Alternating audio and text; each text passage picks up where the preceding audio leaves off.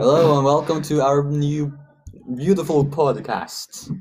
Uh, today we're going to talk about what is going on in the USA right now. Uh, so, uh, you have all heard about the election that has been going on, the new presidency, uh, the election of being, well, becoming the president of the United States. Uh, Joe Biden won, he's a Democrat, and then Trump lost. Uh, and for some reason, Trump wasn't very happy about that. And he um, made something happen in Georgia. What exactly happened in Georgia? So, the election system in Georgia is pretty weird relative to the other states in the US um, because in Georgia you have to have not just the majority of the votes but over 50% of the votes. And in the Trump versus Biden election, Trump would have won if Georgia was, er, or if Georgia had the same election system as the other states in the US. But Trump didn't have over 50% of the votes, uh, so they would have to do a recount. Um, but now you could only vote, vote for either Trump or Biden. Therefore, Trump lost and Biden won. President Donald Trump uh, claimed that uh, uh, the president election was taken from him. Um, and because of that, he called in uh, uh, his supporters to to storm the Capitol of the U.S. And the storming of the Capitol of the U.S. was a riot and a violent attack against the U.S. States Congress on January 6, 2021 uh, carried out by some of his supporters uh, yeah, in an attempt to overturn his defeat in 2021. Uh, the riot led to the evacuation and lockdown of the Capitol and five deaths. Uh, the storming was called to action by Trump. Thousands of his supporters gathered in Washington, D.C. on January 5th and 6th in support of his claim that the U.S. election had been stolen from him and to demand that uh, Vice President Mike Pence and Congress re- reject Biden's victory.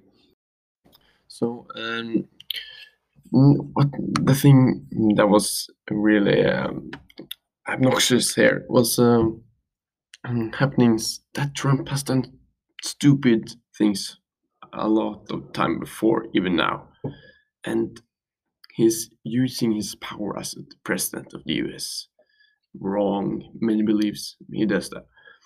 So mm, mm, mike pence and a, a, lot of other people wants to push him out of the way at least on the last part.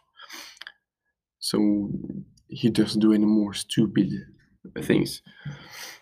And if and that is by the 25th mm, constitutional supplement Mm.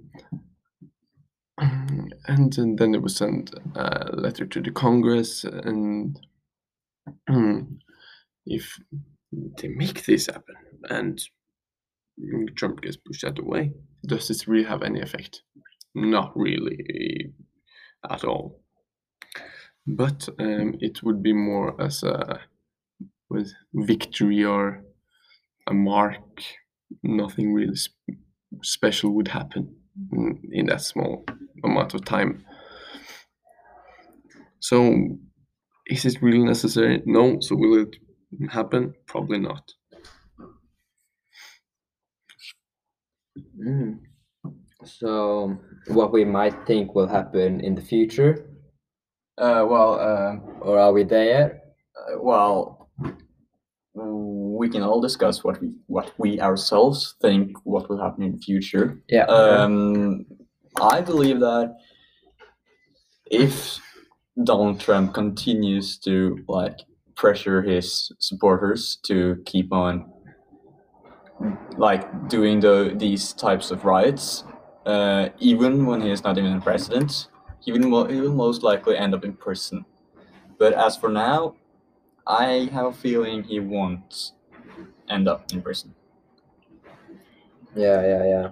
And as we saw on this riot, there was this group called QAnon, QAnon, QAnon, QAnon, and this group was um, is most mostly based on this conspiracy theory, which uh, we might think has driven the ex um, the Extremists. yeah extremist uh, um, the radicalists to do these types of things because um, if they keep on doing this um, if this still becomes a problem it might be a problem in the future.